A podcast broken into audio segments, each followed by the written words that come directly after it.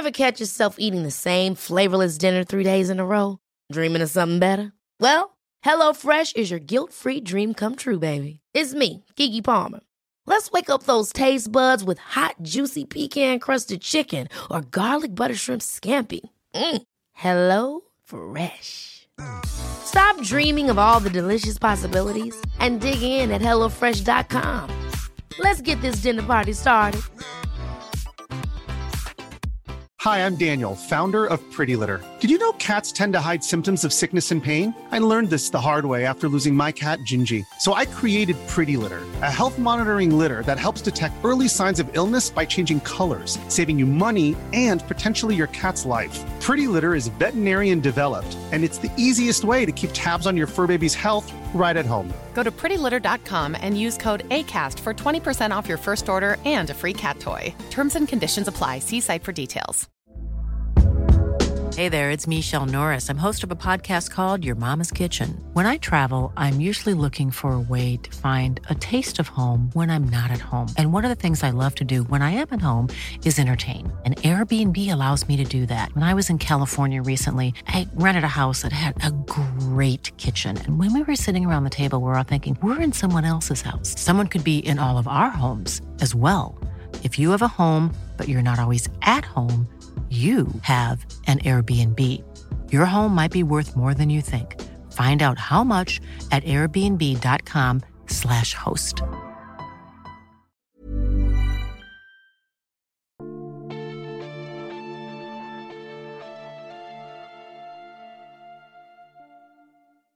Välkomna till Sagan om Isfolket-podden avsnitt 14 Den siste riddaren.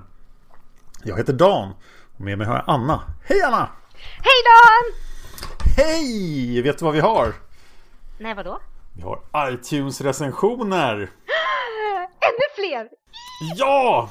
Vi har fått tre stycken sedan förra avsnittet. Oh, berätta, vad säger de? Jag hoppas att jag inte dubbelläser någon, men jag tror att det är sedan förra avsnittet. Eh, Den första är från Pixpoxy.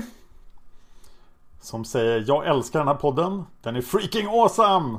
Den enda nackdelen är att ljudet svajar lite ibland. Och varför varannan vecka? Det är ju veckans höjdpunkt. Och fem stjärnor! Woo! Eh, sen har vi Nolau. Nolau. Jättekul att återuppleva böckerna och forumet som jag var en aktiv del av för närmare tio år sedan. Tycker att det blir bättre och bättre för varje avsnitt. Önskar att ljudkvaliteten kunde vara lite bättre ibland. Framförallt när Anna pratar. Ibland är det lite svårt att höra vad hon säger. Ja. Vad sa du? Ha, ha, ha. Nej, eh, men från förra avsnittet nummer 13 så ansträngde vi oss verkligen, eller jag ansträngde mig jättemycket för att ljudet skulle bli bra när jag klippte. Så jag hoppas att nummer 13 och förhoppningsvis det här avsnittet också är ljudet bra på. Men eh, ni som tycker det är problem med ljudet, ni får jättegärna säga vilket avsnitt ni lyssnat på så jag vet om det är ett tidigt avsnitt eller om det är något av avsnitten från nummer 13 och framåt. För om det från nummer 13 och framåt så kan jag fortfarande fixa till det. De tidigare avsnitten så vet jag med mig att där var det problem med ljudet. Alright. Vi har en till. Det var fyra stjärnor där från Nolau. Oh! Sen har vi Isfolket som har skrivit Jag älskar podden. Eh, bara det av vad jag lyssnat på hittills låter det inte så bra när Anna pratar jämfört med Dan. Damn it! Fem stjärnor ändå. Fem stjärnor ändå, det är bra. Och igen, jag önskar hade vetat vilket avsnitt det var som du lyssnade på Isfolket så att jag vet hur ljudet var där. Vi har också kommit upp i över 100 likes på Facebook. Ja! Woo! Och då gjorde jag en liten könsfördelningsanalys. För det kan man se på Facebook och även på YouTube. Så att jag har listat ut att vi har 90% kvinnor och 9% män på Oj. Facebook. Så någon av våra lyssnare har inte ett kön. Vilket är okej. Det är helt okej. Men det är inte så överraskande i och med att vi vet att kvinnor är den största målgruppen som läser Isfolket. Ja, Margit har envis hävdat att eh, det är en mycket, mycket jämnare fördelning mellan läsarna. Men jag misstänker att det är en snedare könsfördelning mellan fanatikerna. Och det är de som gillar oss. Det är helt sant. Eh, jag tittade på YouTube också. Där har vi 72% kvinnor. Oj! Och 28% män faktiskt. Där blev det 100%. Oj, spännande, vilken skillnad. Det kan dock bero på att jag har smugit in en av mina egna böcker på Youtube. Och jag har nog inte 90% kvinnor som läser mina böcker. Jag läser dina böcker. Ja, det, tack för det. ja, så det, det kan ni kolla på vår YouTube-kanal Margit Sannemo SE. Där finns min bok Ljusets vandrare som är del två i en trilogi. Grattis! Del ett finns att köpa på neogames.se. Eh, ja, nu ska vi prata om Den sista riddaren, bok 14 Isfolket. Ja! Åh! Jag var så pepp på den här boken. Inte lika pepp som du var på bok nummer 13 men väldigt pepp för att jag började läsa och insåg att det här är en av de böckerna jag läst allra mest. Jaha, hur kommer det sig? Jag vet faktiskt inte. Jag tror att det är för att det är Tristan, det är lite deckarhistoria och det är en av de första böckerna jag köpte också. Så att den har liksom blivit rätt, den har varit rätt flitigt läst och den här boken står sig rätt bra för sig själv. Ja, det får jag lov att säga. Den känns som att den följer samma formel som böcker vi har sett tidigare. Att det är en fristående historia som löses genom att isfolket dyker upp. Precis. Och den börjar med megamisär. Gud ja, åh. Jag måste bara styra upp det här. I den här boken så har vi två stycken plotter. Vi har plott nummer ett som handlar om väktarna av den rätta tron, tronen, slash mossmännen. Och vi har plott nummer två som är Förstinnan Hildegard och Marina och allting är bara misär och djävulskap. Så är det. Och det som knyter ihop den här, de här två plotterna är... Tristan! Ja! Paladin! Åh, Tristan! Och jag tror därför det är en av mina så här mest lästa böcker, för Tristan är så jävla fin. Jo, han är ju verkligen den sorgliga riddaren. Ja, och han får ta jättemycket plats i boken utan att det blir för mycket. Och jag, jag, jag jag tycker väldigt mycket om honom. Sen är jag väldigt svag för paladinmännen överlag. Har jag insett mer och mer. Jo, men han, är, han känns unik också. Han är inte alls särskilt lik Tancred eller Alexander. Nej, gud nej. Och inte alls lik, eh, alltså inte liksom, om vi ser Cecile och Jessica som är de två kvinnorna som har gift in sig i paladinsläkten så är ju inte han lik någon av dem heller. Nej. Så att, ja, han är, han är väldigt intressant. Lite Mikael-parallell men mer, vad säger man? Jag tycker bättre om Tristan än Mikael på ett sätt. Ja, de är också väldigt olika. Men han är inte lika miserabel som Mikael var. Nej, gud nej. Han bär sin misär mycket bättre. Ja, tack!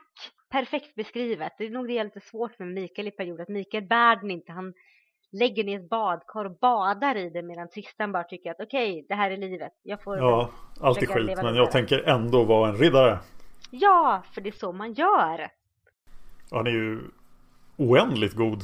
Och ja, det kan vara en av de godaste personer vi sett på, förutom Mattias i hela Isfolksagan hittills. Ja, det, det är en ganska... Det är en tävling med många deltagare som är väldigt goda. Men han är en av de främsta. Ja. Men, ja, om vi börjar då här. Vi börjar i den yttersta misären på plott nummer två, alltså vilket är Hildegard och Marina. Och vi har först en Hildegard, jätteolyckligt gift, hennes man är en knöl som ligger med allt som rör sig. Och till råga på allt så är hon jätteallvarligt sjuk. Vad är hon sjuk i? Jag får ingen riktigt grepp om det. Hon sväller upp. Mm, Det är vattusoten, så jag, jag tänker att det är frikopplat. Vi har vattusoten som gör henne jättetjock. Och Ja, sen har vi den här jätteallvarliga sjukdomen som ingen rår på. kanske cancer eller något, eller? Ja, men blir man inte väldigt utmärglad av cancer? Ja, och det är hon ju inte. Nej, och jag, jag vet. Men du upplever det som två sjukdomar? Jag upplever det som två sjukdomar. Ja, ja för hon blir ju bättre. Ja, vattusoten lyckas ju ändå Tristan få bukt med. Men... Jag blev faktiskt förvånad när hon dog. Jag bara, va? Ska inte hon bli bra? Ja, men lite så. Det kommer som en total chock. Så även fast det hela tiden pitchat att hon är väldigt allvarligt sjuk, man får inte reda på riktigt vad det är. Så att det, jag tar det inte riktigt på allvar just för att jag inte vet vad det är. Nej, och sen är allt jättejobbigt och det är de här vanliga otäcka människorna som inte som är ytliga och Mm. ja, som man känner allt för väl igen. Från böckerna men också kanske från vardagslivet. Ja, danska hovet och liksom ytliga människor är ju liksom det är en kombination som aldrig går fel. Men som sagt, du som säger, man känner igen det från det vanliga livet med. De som bara bryr sig om sina egna nöjen. Men det räcker inte, vi behöver mera misär i början av boken. Ja, och hur gör vi mera misär? Ja, varför inte en pedofil? Åh, oh, yay! Men det är uppenbarligen en bra grej att slänga in för att få ännu mer misär för det blir ju verkligen rent överjävligt. Och så lägger vi till då... Fruktansvärt! Det är jättehemskt! Jag satt och typ jag satt och hyperventilerade för att jag tyckte det var så jobbigt. För att vi har den här lilla, lilla Marina som visserligen är 13 men ser ut, beskrivs som om hon vore typ 6 och ett halvt. Och jätterädd för sin egen skugga. Och så har vi den här då farbror Povle som smyger sig in i hennes rum och hotar henne med att om du berättar för någon så kommer jag säga till böden som dödar din mamma. Man bara wow! Det är ju fullständigt vidrigt men det slår mig att om många våldtäktsscener och sånt har känts onödiga hittills. Så känns ju det här som någonting som verkligen händer och någonting som är värt att prata om och använda som en plott. Ett plottelement.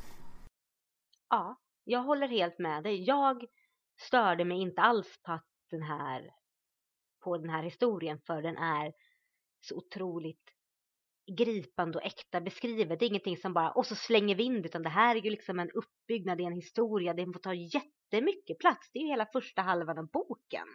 Ja. Så den funkar jättebra, men det är en riktigt, eh, riktigt hemsk att läsa om. Ja, det är tur att Tristan dyker upp relativt tidigt, för det hade kunnat bli, ja, lika miserabelt som några böcker vi kommer till senare, som ännu värre. Ja, gud ja, usch. Ja, men tack och lov i den här boken så finns ju Tristan. Och som jag sa tidigare så hjälper han ju Hildegard med att så här, få ner hennes vattensot så att hon allt vatten försvinner ur kroppen på henne och hon går ner i vikt och känner sig bättre på det sättet. Och han hjälper Marina in hela nyckeln till hennes rum som kan låsa om sig så hon får vara i fred.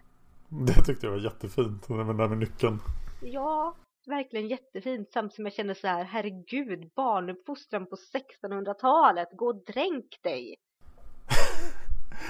Men sen det här med hans brygd som han gör till Hildegard. Mm. Det, det kändes lite som att det kom från ingenstans. Att vi, ja, vi såg inte honom direkt intressera sig för sådana färdigheter i någon tidigare bok. Nej, sist vi såg honom i Norge var han typ 15. Ja, så, så när lärde han sig allt det här? Nej, och hur kommer man ihåg allting? Ja, det kändes väldigt slumpmässigt. Det här kommer inte gå något bra. Nej, men det går ju väldigt bra. Men för mig känns det som att man... Ja, men lite grann som, du vet, när Mattias dök upp i någon tidigare bok bara så här. Random Mattias gör en tre för att få ett, man ska få att isfolket faktiskt är med. Så slänger man in, slängde Margit in att ja, men han kan lite om isfolkets hemliga recept för att få in isfolket att få med själva känslan av isfolket.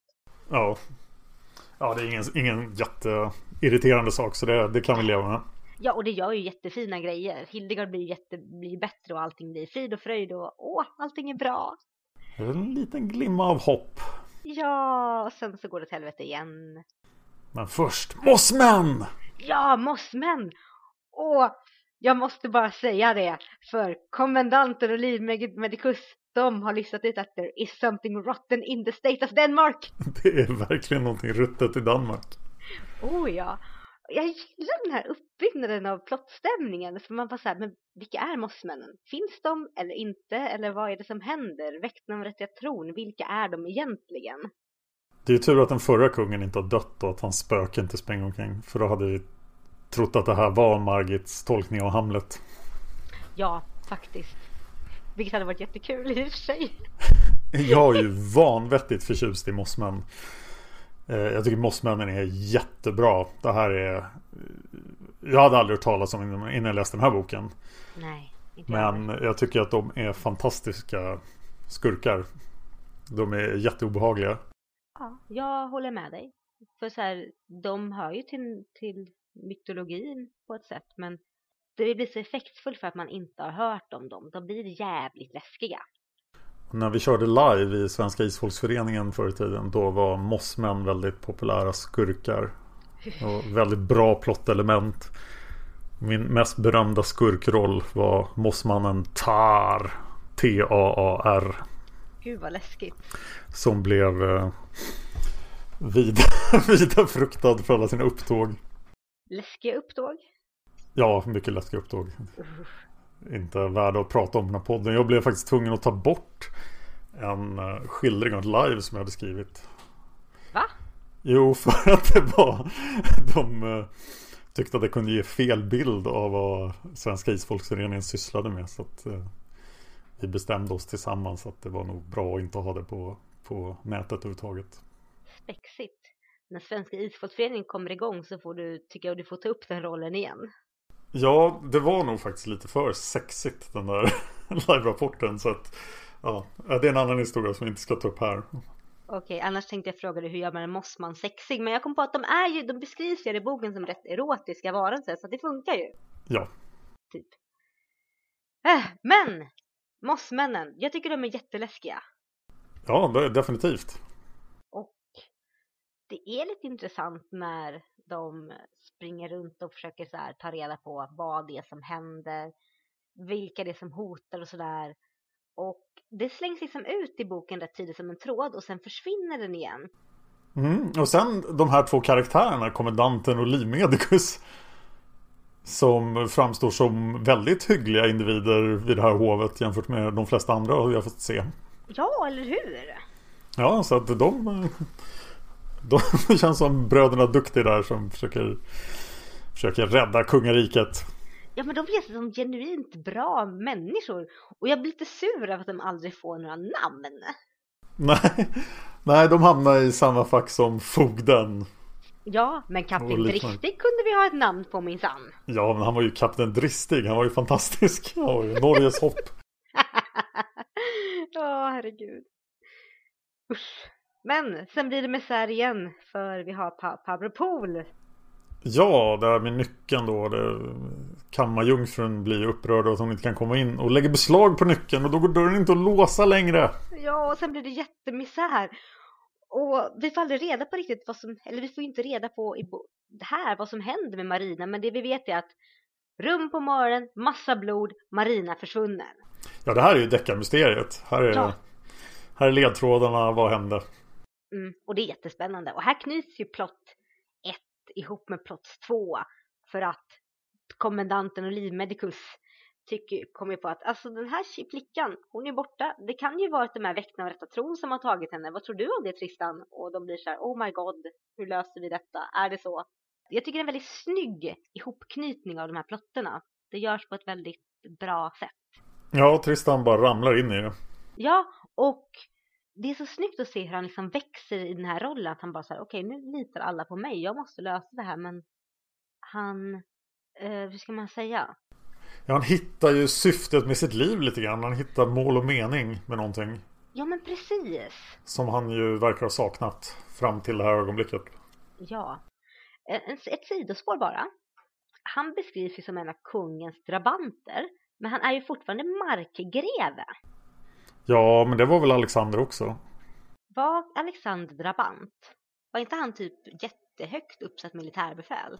Vad är en drabant egentligen? Jag vet inte. Nej, jag uppfattar Nej. drabant som någon som hänger med kungen. Ja det är sant, men jag, tolkade mest när de var på den här, ja, när Hildegard svimmade på balen och de bara så här, jag finner mig inte bli till rätta, visade någon som är så lågt i rang som kungens drabant. Jag reagerar på det, jag bara, men alltså Tristan är ett högättad. Ja, fast hon var ju förstinna så att hon stod väl ett snäpp över.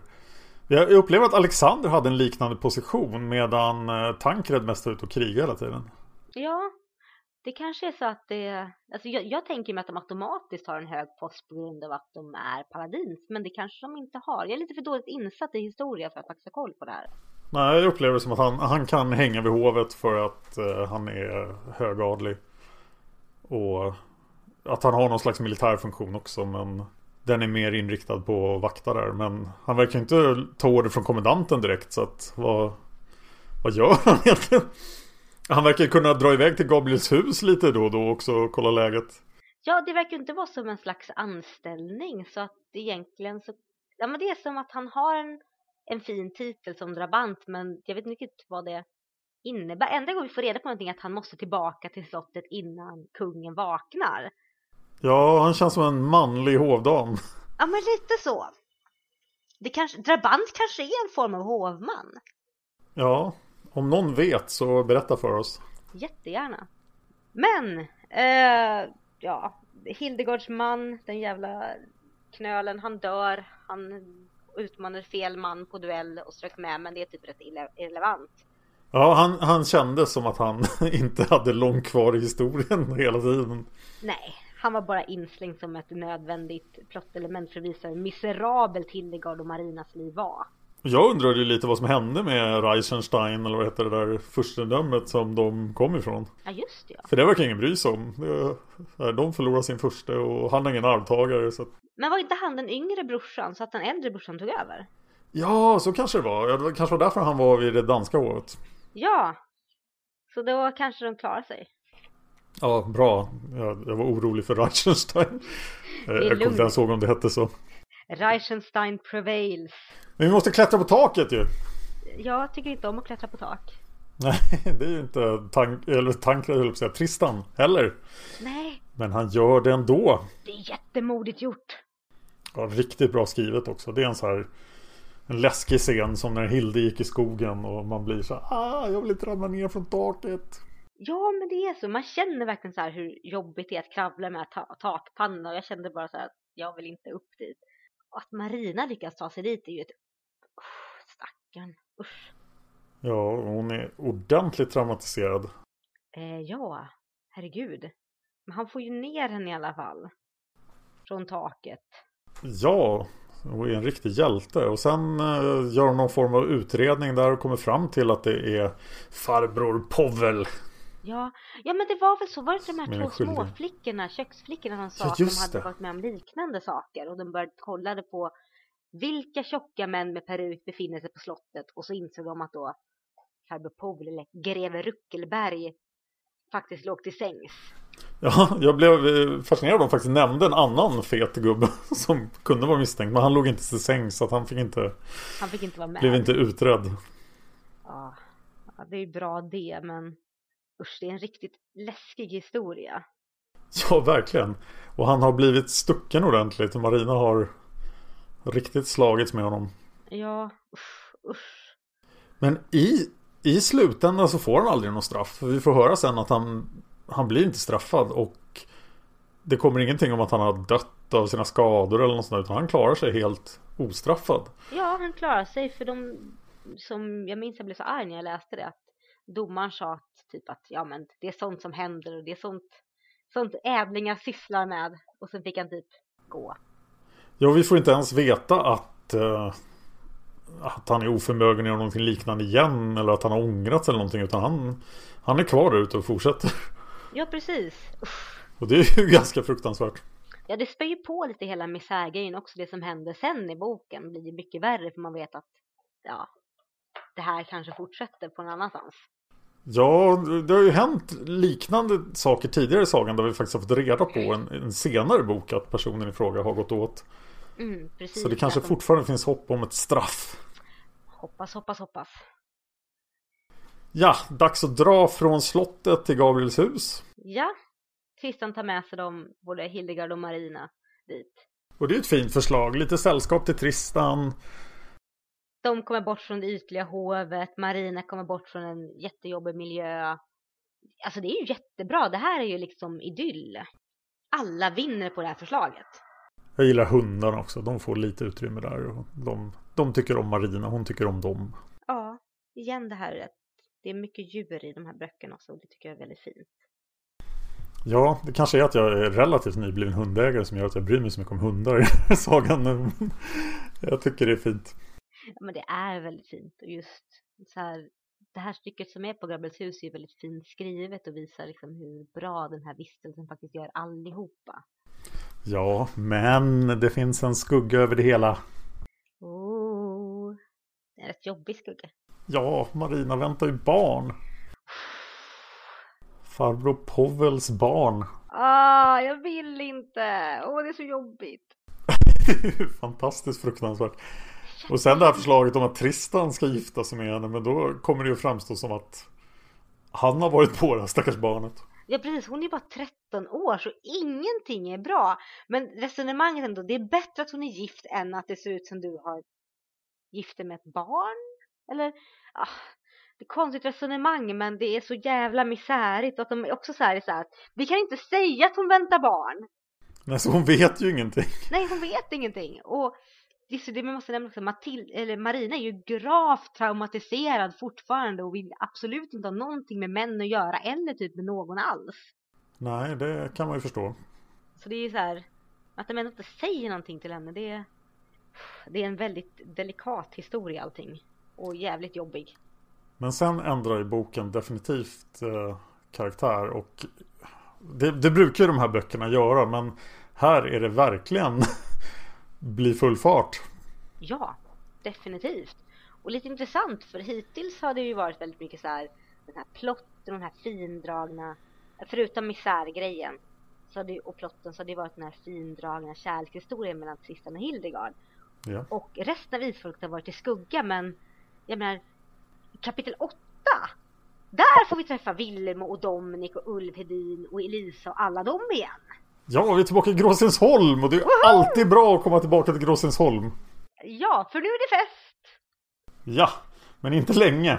Nej, för eh, ja, alltså Ulvhedin ser ju inte ut som alla andra och han har typ mördat sig genom halva Norge.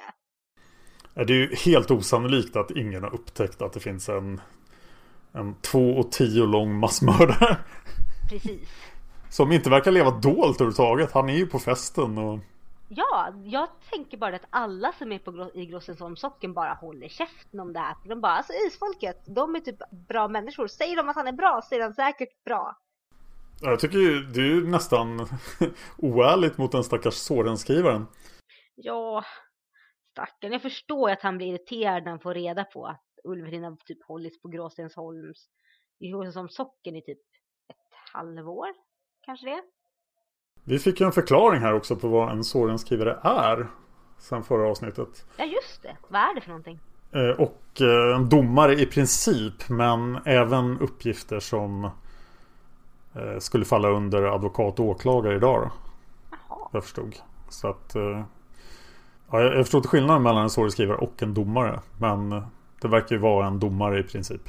Ja, ja, men det är ju logiskt. För jag menar, när Dag var Soren skrivare i de tidigare böckerna satt ju han mycket till tings. Ja, Dömde i tvister.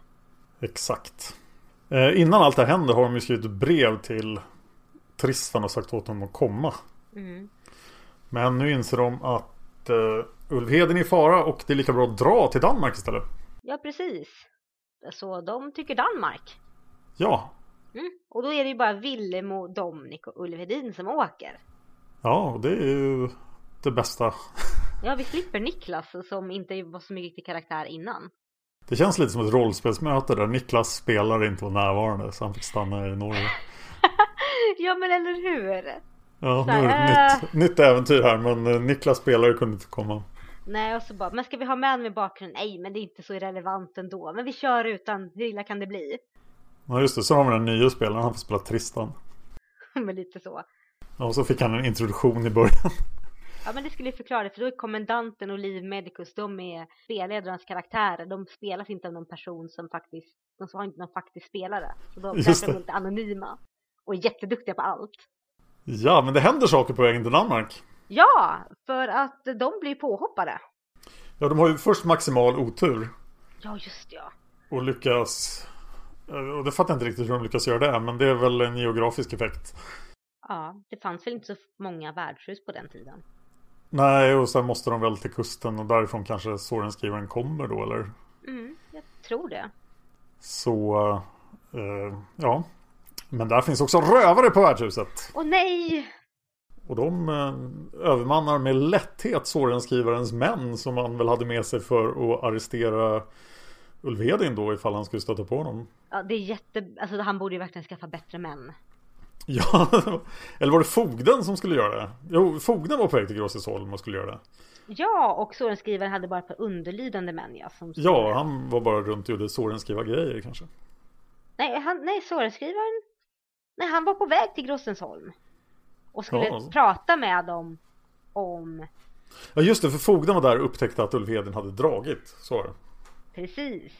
Så fogden skulle inte gripa utan, utan Sorenskrivaren åkte till Grossensholm för att kolla om det här stämde, om hans vänner hade ljugit för honom och hur han skulle gå vidare. Han hade ju med sig några män, men det var ju kanske inte så här biffiga män som kan gripa en mördare. Nej, det kanske var hans sekreterare och hans uh, påklädare. Ja men typ så. Eh, jag hade problem med Ulf Hedin här i början. Oj, okej. Okay. För jag tyckte han var jättemesig. Att han hade anpassat sig alldeles för mycket. Han satt och gullade med Jon där och protesterade inte mot någonting. Och det stod att han, han munhöggs med eh, Villemo. Men vi fick inget större exempel på det. Och han kändes jättetam. Men det kanske var just för att få den här effekten när han räddar Sorenskrivaren. För då blir han ju ganska läskig igen. Ja, jag tror det också. Jag tyckte tvärt emot att det var väldigt mysigt att se Ulf Hedin så liksom så familjeaktig och så här gosa med sin son och jag var åh vad fint de är en lycklig familj.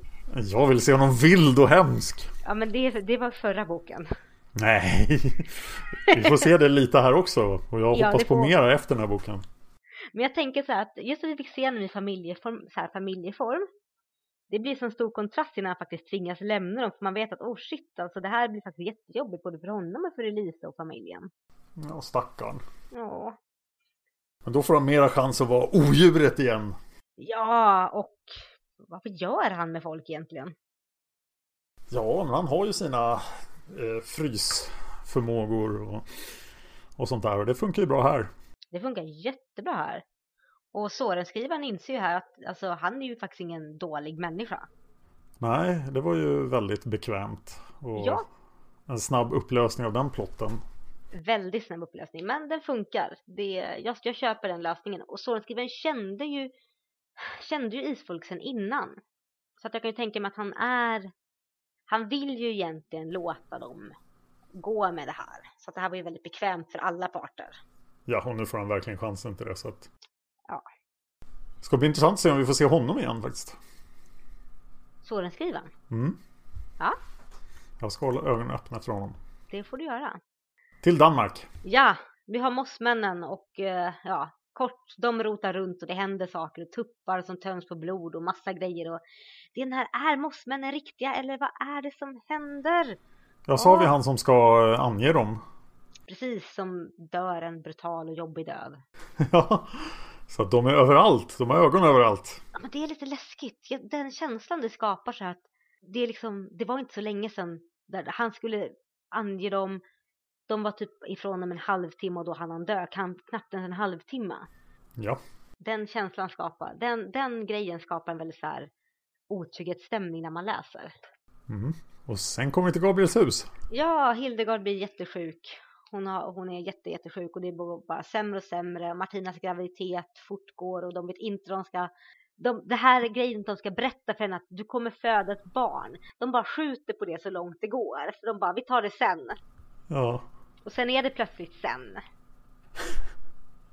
Ja, det fungerar ju också. Men eh, först ska, först ska hjältarna komma dit. Ja, de dyker upp på Gabriels hus. Det blir lite för en chock för stackars Tristan som inte har sett en drabbad innan. Nej, där tyckte jag det var en väldigt bra beskrivning av hans reaktion. Ja, och det gör ju väldigt så här. Det gör ju, det är en väldigt snygg beskrivning så här. Så här reagerar folk när de får se en drabbad. Till och med isfolket själva. Jag tycker de fungerar bättre som sällskap också utan Niklas. De har på något sätt tre tydliga funktioner här. Ja, faktiskt. Och alltså Tristan är en mycket intressantare hangaround än vad Niklas någonsin var. Ja. Typ en människa, inte bara en pappfigur. Och sen ska väl då Ulf Hedins fader avslöjas. Ja. Och det är riktigt snyggt. Jag tror att jag hade fattat vid det här laget första gången jag läste boken. Jag fattade inte. Nej, då måste du ha blivit riktigt chockad när de sa Gudrun Svartskogen. Jag blev jättechockad. Jag bara, wait, what? Och sen var jag tvungen typ att bläddra tillbaka och läsa flera gånger och spåra och bara sen, jo, det stämmer. För om Gudrun Svartskogen hans mamma så är ju Tristan hans pappa. Ja. Men den, eh, den såg jag inte komma alls. det är en riktigt snygg rad där. Liksom. Hur listade du ut det? Jag tyckte det var lite för mycket. Varför skulle de åka just dit? Och det var så mycket där om Tristan och att han inte kunde få barn och ja, nej, jag kände jag vill minnas att jag kom på det innan men det var ett tag sedan jag läste den boken första gången så att... men det, när, nu när du säger det, det är ju snyggt planterat på väldigt många sätt. Ja, och det är ett jättefint avslöjande. Ja, det är lite chockande. Och sen när han inser också att Paladin ätten är inte utdöd. Yay! Utan. Vedin kommer bli markgreve. Ja han blir ju faktiskt, det är faktiskt jättecoolt. Ja. Men Han är såhär, eh, okej vad högsta adligheten i hela isfolket. Faktiskt. Ja, herregud. Skicka honom som drabant till hovet. Alltså det skulle ju inte vara någon som vågade gå i närheten av kungen. Ever igen. inte ens kungen. Nej, kungen bara, alltså det är lite jobbigt med att han går efter. Det är för din egen säkerhet. Alltså jag vill inte vara säker längre. På riktigt. Åh.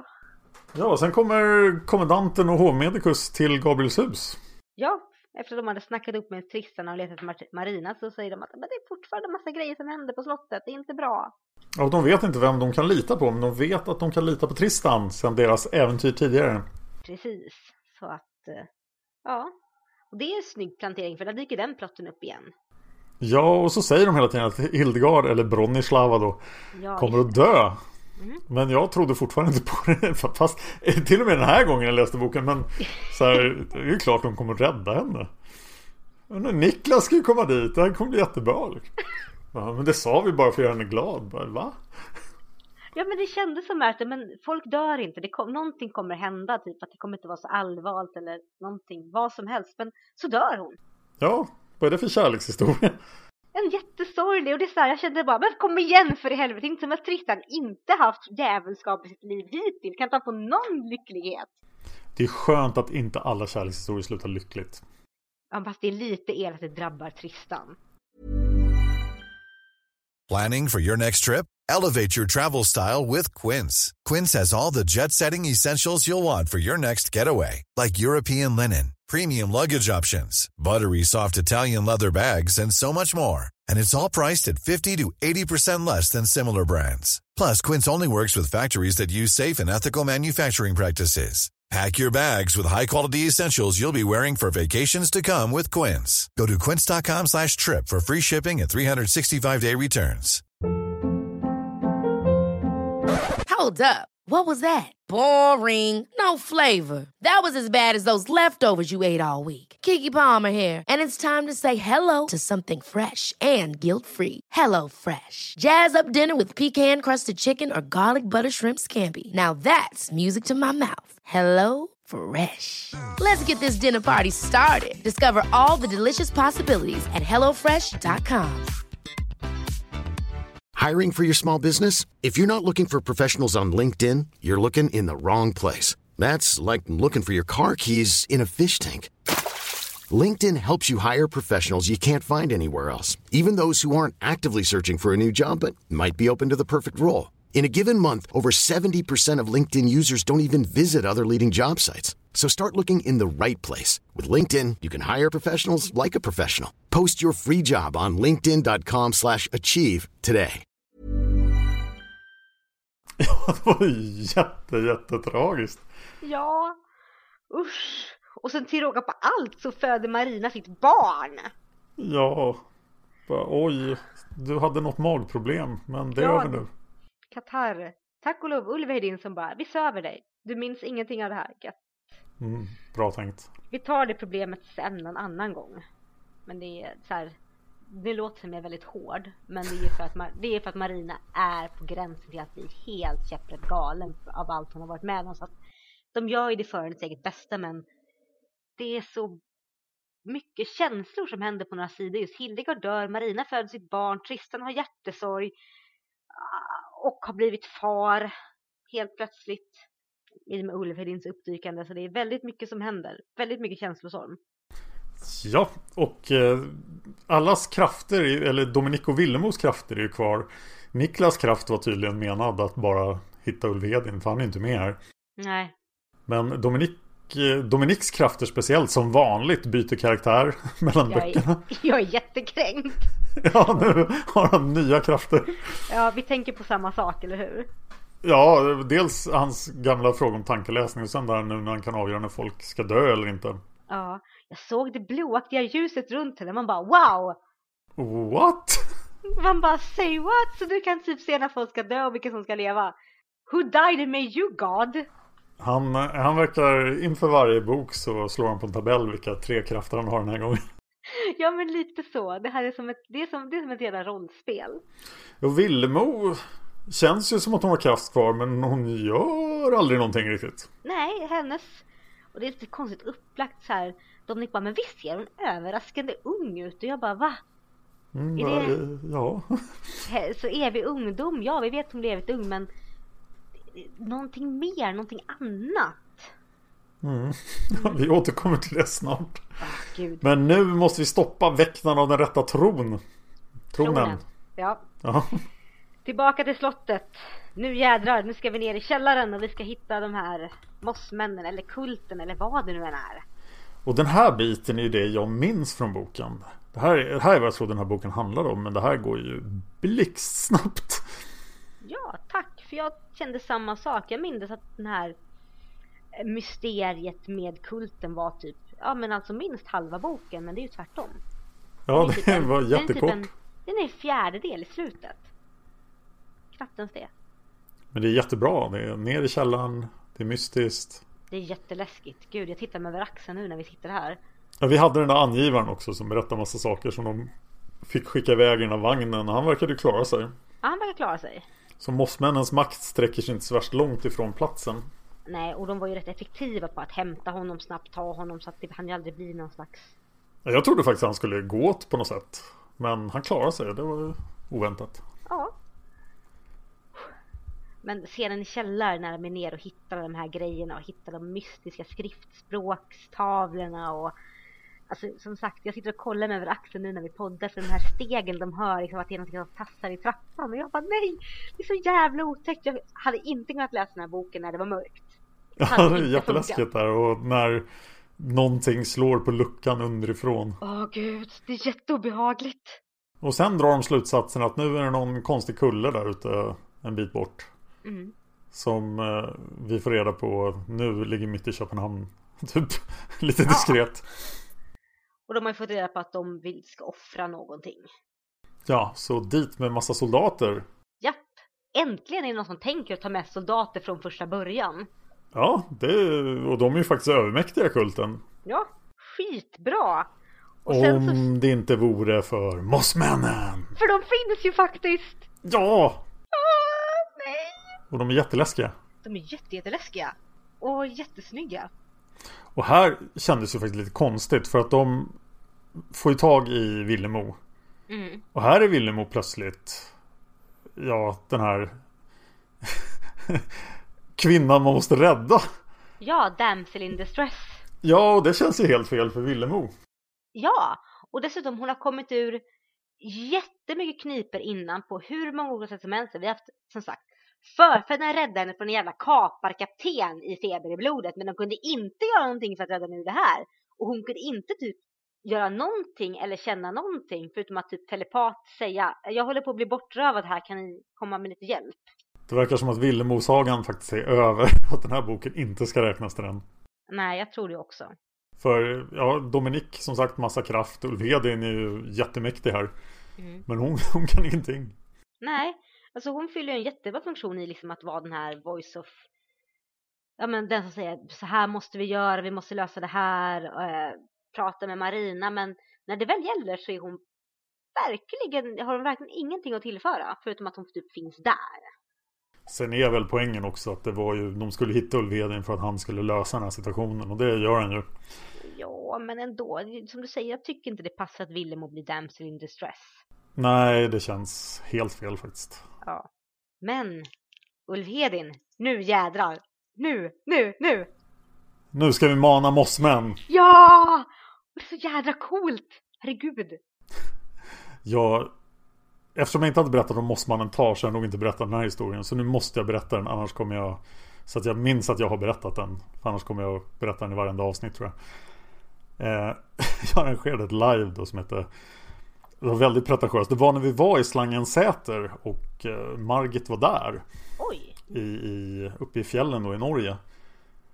Eh, och så arrangerar jag en av dagarna då, där vi är där en vecka. Vi har 24 personer Jädrar. från Isfolksföreningen. Och jag har arrangerat live som hette Trots att de älskade varandra så mycket. Åh, vad misärigt. ja, Och jag hade lagt upp allting för att det här skulle bli liksom det sandemoiska slutet på Tarsagan. För jag hade varit den här mossmannen i massa live. Eh, men nu var det jag som arrangerade också då. Så att jag byggde allting för att eh, det skulle bli en episk slutscen. Där isfolket skulle förlåta honom. Och han skulle Oj. bli god. Det skulle bli riktigt så här Sandemo i slut. Och eh, en, efter en massa turer och så var de på den här heden. Och Tar var svag. Och att de hade möjligheten då. Det var verkligen upplagt för att nu, nu skulle de förlåta honom och visa liksom kärlek. Och så skulle han bli omvänd. Ja. Och så fort de insåg vad situationen var så var det minst tre av isfolket som hoppade fram och bara Ha! Vi manar ner honom i jorden! Ja! ja! Och så blev han nermanad i jorden istället. Jag, det var inte så det skulle sluta men det blev ganska bra ändå. Så han blev faktiskt nermanad då men eh, Det är ju oklart vad som händer med mossmännen när de blir nermanade i jorden. Jag tänkte på det nu när jag slutat läsa. Att jag menar, hade det bara varit så att åh nej, de är under jord då, då, då sen, de kunde liksom, han manar inte ner en så djupt. Sådär, kändes som. Han manar ner dem lite extra i jorden ja. Mm. Men jag tolkar det som att om det inte är någon som faktiskt får, som liksom, jag tänker att det är som att jordens yta för dem ligger som en slags, alltså det ligger ett lås där över. Om det inte är någon som uttalar de rätta orden och öppnar upp det här låset så kan de inte komma upp och när de är nermanade så stänger sig det här igen. Mm, Det är definitivt känslan man får. Mm. Annars hade vi kunnat ha mossmän som gräver sig upp ur var och varannan busk och det vill vi inte ha. Eh, ja, jag hoppas ju att vi får se för mera mossmän i sagan. Det Ja. skulle vara roligt. Det hoppas jag med. De är otroligt fräcka. Och Ulf, Hedin man, Ulf Hedins manarförmåga är, är ju en av orsakerna till att jag faktiskt inser, eller inser när jag läser den här boken att ja, jag tycker faktiskt väldigt bra om honom. Han är en väldigt cool karaktär. Och det är för att han kan mana. Ja, det är tur att vi har den där professorn där som hade blivit medtvingad i kulten. Ja. Som kan förklara vad det är som händer.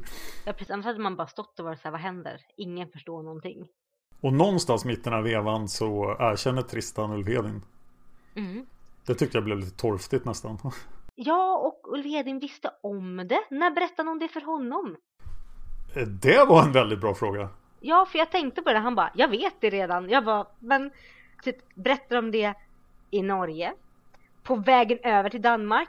Efter att man hade sett på Gabriels hus? När tog någon honom åt sidan och sa, du by the way, det här är din far? Jag fick intrycket att han hade förstått det själv. Ja, så kanske det kan vara. För han är ju inte dum. Nej, det är han rakt inte. Men att de aldrig någonsin har pratat om det med honom verkar ju konstigt också. För han borde ha frågat. Ja, eller så har han bara inte frågat och bara ger blanka katten i allt som kallas familj. Alltså typ sin mor och sin far och sådär, men Ja, men nu fick han en pappa. ja. Riddarpappa. Jättefint. Mm. Det, det är faktiskt så här, det gör det lite, det, gör, det, det känns som att Tristan behöver det. Och nu är förfäderna med helt plötsligt lite grann. Ja, nu? Ah, Ja, för de vill rädda Danmarks kung. För de vill inte att mossmännen ska vara kungar i Danmark. Nej, alltså jag förstår principen med det är jättedåligt om mossmännen tar över Danmark. Men eh, sen när blandar sig isfolket i världsliga grejer? Det är så här, hade det hänt i Norge, jag hade varit helt okej med det. Men det här är ju på en värld, det här är på en nationell politisk nivå. Ja, jag skulle ju vara intresserad av att se hur Danmark hade sett ut styrt av mossmän. Hade de bytt ut hela befolkningen mot mossmän då? Eller hade de styrt över människorna? Hur hade den tyska ockupationen av Danmark på 40-talet sett ut om Danmark hade varit styrt av mossmän? Tyska ockupationen hade nog inte hänt för, för tyskarna hade bara gått in och bara nope, nope, here be monsters. Schleswig-Holstein hade tillhört Danmark. Here be monsters, ja verkligen. Alltså jag tror att de hade ju manat upp resten av mossmän och sen hade ju människorna kanske fått finnas kvar som någon slags mat. Hade Danmark fått gå med i EU då? Jag vet inte riktigt, alltså då hade ju Danmark hade inte bränt så mycket grejer om mossmän hade funnits för mossmän är ju jättestarka och liksom arbetskraften hade varit fantastisk och byggnaderna hade gjorts i sten och Det där kanske hade varit bra för Danmark. jag tror det varit jättebra för Danmark. Ja, det känns ju som att förfäderna ingriper och att hela den här Att de har blivit utvalda för det här är för att mossmännen är övernaturliga och det behövs någonting övernaturligt för att bekämpa dem. Mm. Men eh, ja, det är lite luddigt. För mig som inte hade, som hade glömt bort den där lilla detaljen med att det här syftet rädda Danmark så blev det som en litet antiklimax för mig. Eh, ja, lite grann. För att jag hade varit mer okej okay med att de där förfäderna ville att Ulvin inte skulle gå över för att de behövde en stark drabbad på sin sida för att möta framtida händelser som till exempel mossmännen. Det kan ju hända att mossmännens övertagande av Danmark hade varit ett större hot. Att mossmännen har mera planer och att eh, isfolket faktiskt måste bekämpa mossmän igen. Kan vara så. Så isfolket är självutnämnda mossmänsfiender. Mossmänsfiender, oh. Här är lite mer smidiga lösningar också eftersom Ulvhedin hjälpte till att rädda Danmarks kung så kan han få det här fribrevet. Eh, norska myndigheter kan inte längre förfölja honom. Nope. Alla de där morden han gjorde, de är så här, äh, det är bra, det är lugnt. Så han kan åka hem och ha sitt fina liv. Och det är lite fint, men lite, lite, lite snopen lösning att det gick så bra att lösa. Ja, bra och fort. Var det någon som dog eh, offstage i den här boken? Nej. Det är ju bra. Ja. Men nu föds det en herrans massa ungar. Ja, alltså hela Skånegrenen det här. Ja men Tankreds syster Lene som varit helt borttappad. Ja. Eller nej, inte Tankreds syster. Utan det blir Tristans syster. Just det. Lene. Som varit helt borttappad för att man inte fått någon bild av henne. Typ som, eh, ja men typ som med Irmelin. Ja. Men vi gör en sväng till Skåne, får träffa Lene, får berätta att ja men ja, min dotter växer jättemycket. Hon har fått en son som heter Wendel, så vi får träffa den grenen igen. Lite återknytning till den svenska grenen, förutom Mikaels familj. Wendel tror jag vi kommer att föra mer om. Kanske det, kanske. Och sen så, ja, Tengel den tredje, eller Tengel den unge, har ju gift sig nu och fått barn han också. Ja, som heter... Ja, vad hette han? Dan, eller hur? Ja, just det, Dan! Min favorit, han är faktiskt ganska rolig tycker jag. Ja, jag tycker om Dan. Ja, jag tycker också om Dan. Konstigt. ja, det var nog mer unga här också. Jon är redan med i matchen. Ja, och just det. Och så har vi ju Marinas dotter då, Bronja. Just det. Och eh, Marina och Tristan gifter sig då. Ja, efter två år så inser ju Tristan att Gabriels hus är kört. Så de, de flyttar till Norge och gifter sig. Och det är faktiskt väldigt fint. Det är väldigt fint slut för de båda. Ja, det här eh, äktenskapet som kanske kommer att ha lite problem då. Men de hittar hem. Ja, de hittar hem och jag tror det är det bästa slut som någon av dem faktiskt hade kunnat få. Och Gabriels hus försvinner ur handlingen. Det känns jättetragiskt. Så det är ju det är inte att någon dör, men det vi säger farväl till Danmark här. Men hundarna kommer till Norge i alla fall. Ja, det gjorde de. Det är klart de gör. Ja.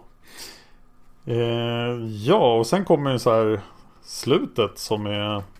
Väldigt mycket bäddning framåt. Väldigt mycket bäddning framåt. Jag tänkte jag skulle läsa det faktiskt. Gör det. En ny generation växte upp.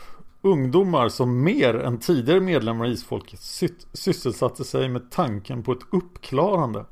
En forskare föddes i den generationen. En som tog upp en annan tråd än den som förr varit vanligt. Vidare föddes en vars hela väsen var kärlek. Och en som sökte för djupt. Jag, får, jag fick gåshud nu när du läste. Ja, det var verkligen allvetande berättaren, men det var bra. Jättebra. Så nu vill man ju läsa vidare. Ja, och det kommer vi ju göra. Och då kan vi kanske ta upp det här. Vi har ju fått en del, vi ställde ju en fråga i förra avsnittet huruvida vi skulle podda två veckor eller tre. Ja, och vi har fått det gjorde vi. väldigt mycket åsikter om det.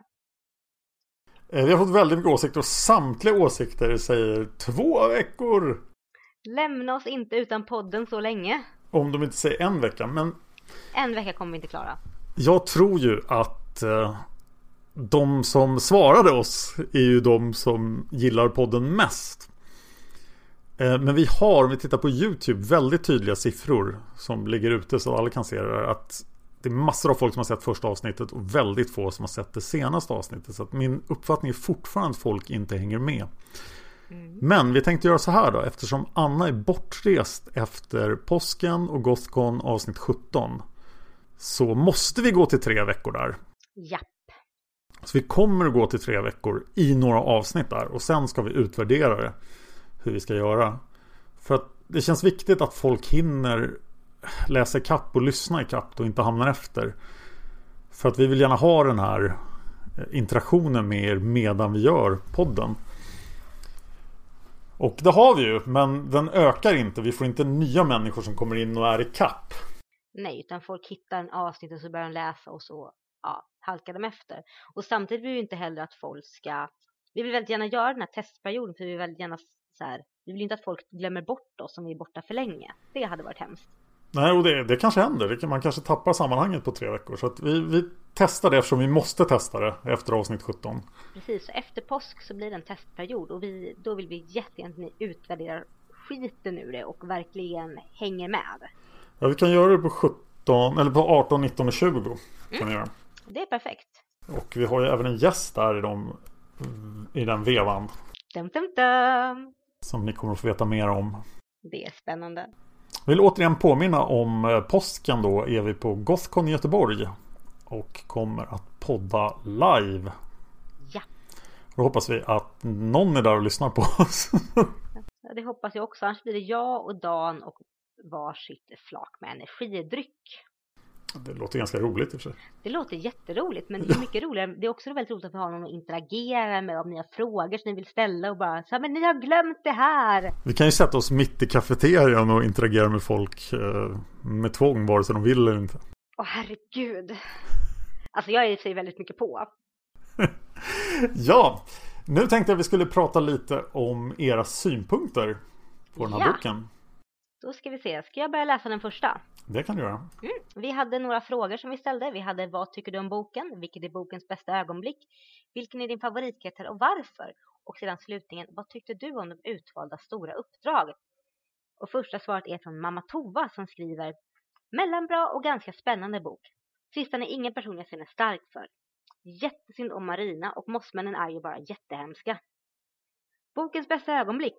Ja, det är många. Läskigheterna med mossmännen när Ulverin räddar Sorenskriven, Villemos futtiga eldbollar. Men Ja, de glömde vi nämna. Ja, just det, ja. Ja, de var ju ganska roliga faktiskt. Ja, där griper förfäderna in. Eller ja, Ja. Sol. Tengel vägrar, men Sol är beredd att stå till tjänst med en fjuttig eldboll. För att, bevisa, att Willem ska få visa att jag har faktiskt också krafter. Jag tycker den är jätte, det är faktiskt en jättefin scen. Ja, ja, tillbaka till mamma Tova. Eh, som skriver, vinner gör kanske Tristan och Marina på taket. Jag har inte höjdskräck men kan ändå känna av ångesten lite grann. Tycker beskrivningen av Marina är så bra och så levande. Hur hon sitter som paralyserad och stirrar ut i tomma intet. Mycket bra berättat. Favoritkaraktär? Ulfhedin är ju underbar. Och slutligen utvalda stora uppdrag. Ja, mossmännen blir nästan för mycket. Det finns redan så mycket som är alldeles tillräckligt spännande. Man hinner knappt ta in mer. Och nu framkommer det att detta var Ulvedins uppgift. Han är den enda som är stark med att bekämpa mossmännen och därför är Willemo, Niklas och Dominic utvalda för att förbereda Ulvedin på sin uppgift. Ja. Mm. Nästa person är Heike. Vad tycker du om boken? Jag tycker om den. Den innehåller både spänning och sorg och tuffar på i jämn takt. Vilket är bokens bästa ögonblick. Jag älskar scenerna där ömheten mellan Tristan och Hildegard kommer fram. En annan scen som är bra fast på ett hemskt sätt är när Tristan räddar Marina på taket. Vilken är din favoritkaraktär och varför? Först innan Hildegard får mina sympatier. Jag tycker så synd om henne och vill vara hennes vän. Det gör ont i mig att läsa om hennes ensamhet. Vad tycker du om utvalda stora uppdrag? Jag tycker det är lite långsökt. Det måste alltså födas tre personer som får övernaturliga krafter för att det cirka 20 år senare ska födas en person som är för ondskefull för att kunna använda sina krafter rätt. Ytterligare 20 år senare ska de första tre omvända den onde för att han i sin tur ska kunna mana ner mossmännen i jorden. Händelsen är förvisso bra beskriven och det blir spännande. Men jag står fast vid att det känns långsökt. Mm, ja. Övriga tankar. Tristan försöker jämföra Marina med Sol eftersom Sol var i Marinas ålder när hon förförde Klaus. Vet alla vad som hände mellan Sol och Klaus? Så vitt jag minns var det en hemlighet som varken Sol eller Klaus talade om. Nej, jag vet inte. Jag har inget svar på den frågan. Om någon vet så berätta.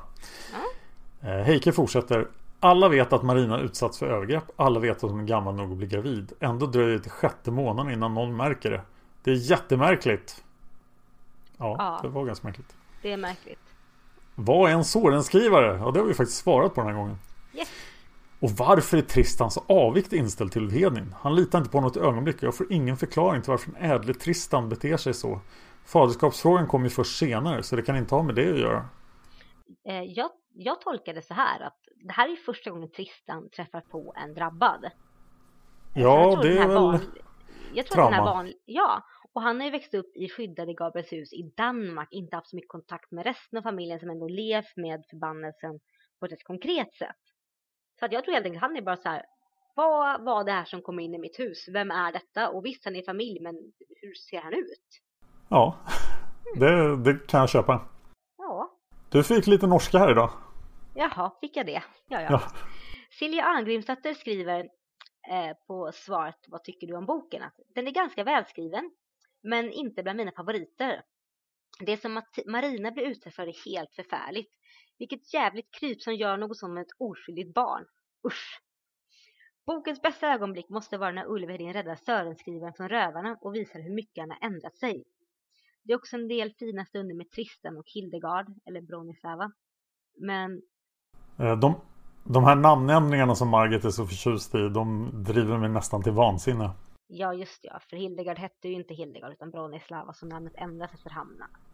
Oj, det kommer en episk namnändring i Ljusets rike. Jag hoppas vi får podcast om Ljusets rike. För då kommer jag bli galen på den namnändringen. Ja, Du kommer få medhåll av mig på den andra Ja, den är hemsk. Huh, ja, favoritkaraktärer varför? Silja Arngensdotter fortsätter. Ulf Hedin tror jag. Eh, eh, Otämjd och vild. otämjd och vild, full av humor. Tristan är också fin, han påminner mig en del om Mikael. Men jag...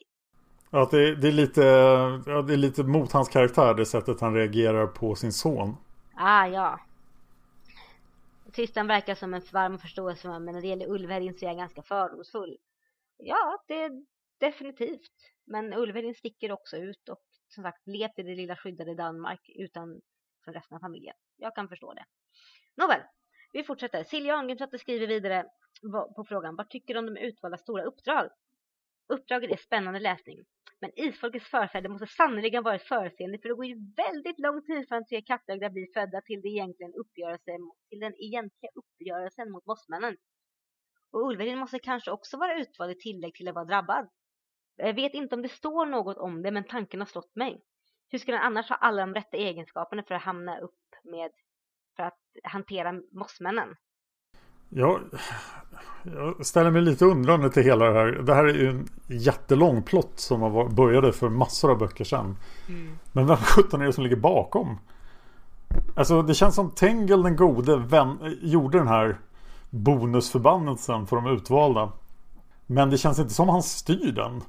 Nej, Alltså det här känns som det bara händer för att det är ödet på något sätt. ja men lite rollspelsgrejen bara. Vi ska ha The prophecy. Ja, och så slog de en tärning och bara vi ska ha tre utvalda. Och vem vill rodda, vem vill hantera en av dem? Det blev Sol, du får ta Villemo. Det är väldigt, Ja vi kanske inte ska syna det för mycket i sömmarna. Det är ju faktiskt en väldigt bra historia. det är en jättebra historia. Men ibland så är det lite, tänker man på det på lång sikt så blir det lite konstigt. Men det finns säkert någon större betydelse bakom detta. Och, och som de där sista raderna i boken sa också att nu, nu är den avslutad. Och eh, det här är ju faktiskt en brytpunkt. Ja, För nu har vi haft Villemo-sagan så länge så att nu kommer det hända helt andra saker i serien. ja! Som når sin kulmen i bok 17. Live i Göteborg. Oh, oh gud, det kommer bli jättekul. Eh, Den sista riddaren var faktiskt fantastiskt felfri. Men det är Eh. ett stort fel. Ja, det var lite eh, om Tristan tyckte att hon hette Bronislav eller Hildegard. Men det kändes som en väldigt liten grej. Nej, det var ju inte det. Eller? Nej, Ja, när han smekte hennes kind två gånger. Precis! Och Ja. jag stör mig på det, för jag minns när jag läste den första gången, jag bara, men det här har han ju gjort innan. När han säger att han smekte en kind som han aldrig gjort förr och jag bara, fast det gjorde han för bara några sidor sedan. På riktigt. Oj, ja, det där är otroligt svårt att skriva rätt som författare. Just hur folk, hur folk står och sitter och vart de är vända. Och, och att karaktärer vänder sig om två gånger och sånt där. Det är fantastiskt lätt att få in i böcker. Så att jag förlåter eh, Margit här. Man måste också komma ihåg den här enorma takten hon skrev de här böckerna i. Ja, men förlåter vi Margit det nästa när åldrarna blandar ihop sig? Ja, hon missar på två år. Mm. Tristan är 38 när han blir farfar, men han säger 36. Ja. Så det är lite slarvigt, men ja. Ja, det är inte som att det är tio år, så att okej, vi förlåter. Mm, jag kan köpa det. Och det var alla fel i den här boken. Ja, överraskande felfri. Väldigt lite fel. Eh, vi vill ha fler betyg på Isfolksforumet. Ni kan gå till isfolket.se och klicka på forum och gå in och betygsätta alla böcker. Eh, och vi vill också ha fler fel och missar på de böcker som vi kommer upp till. Så att om ni har läst dem och är någonting som stör er så skriv det också på forumet. Vi vill ha fler iTunes-recensioner. Ja! Så, ja, gå in på iTunes och recensera oss. Och om ni tycker att ljudet var dåligt så berätta vilket avsnitt det var. Ja, det blir jag jättetacksam för. åtgärda det. Ja, det var nog allt idag om inte du har något mer. Nej, ingenting alls. Vart kan man hitta mer av dig Dan? Jo, jag gör ju några andra podcaster. Eh, en om Game of Thrones, Game of Thrones Chat. Jag gör en om antik historia, fast nu har den börjat handla lite om... Nej, den handlar fortfarande om antik historia. Den kommer handla lite om Stockholms blodbad snart också. Och Spartaner. Eh, Fan of History heter den. Jag gör en podcast om Magic the Gathering, spelet. Och eh, den 28 februari på 30-årsdagen av mordet på Olof Palme så kommer jag att släppa det första, andra och tredje avsnittet planerar jag av en ny podcast som heter Palmemordet. Woo! För det är ju världens största kriminalgåta faktiskt. Som inte är löst. Nej, 30 år senare, fortfarande olöst. Eh, och så finns jag på Twitter som Dan Horning och på Facebook som Dan Hörning. Vad kan lyssnarna hitta mer av dig, Anna? Ja, jag finns också på Twitter under Anna Seras. Jag finns även på Facebook, där är en Facebook-sida som heter Setsuna Seras. Den får man jättegärna gå in och följa. Där skriver jag om allt möjligt och postar roliga länkar. Sen har jag en blogg också som heter setsunaseras.blogspot.se som man jättegärna får gå in och läsa på. Och sen vill jag även slå ett slag för er som lyssnar på det här via iTunes och hittat typ ut via Youtube också. Ni får jättegärna gå in på Facebook och gilla vår Facebook-sida. Ja, och prenumerera på vår YouTube-kanal Margit Sandemo SE. Det är inte bara podden som ligger där faktiskt. Det finns lite andra grejer också. Det är jättemycket spännande. Så Kanske rekommenderar ska filma lite på Gotcon också. Ja, filma allt! Ja, Det blir bra. Men då säger vi väl hej då Dan. ja. Sen är det dags för eh, Vinden från Öster om jag minns rätt. Och nu gräver vi djupt ner i isfolkets förflutna. Det här kommer bli bra. Öster, vad ligger österut? Hav.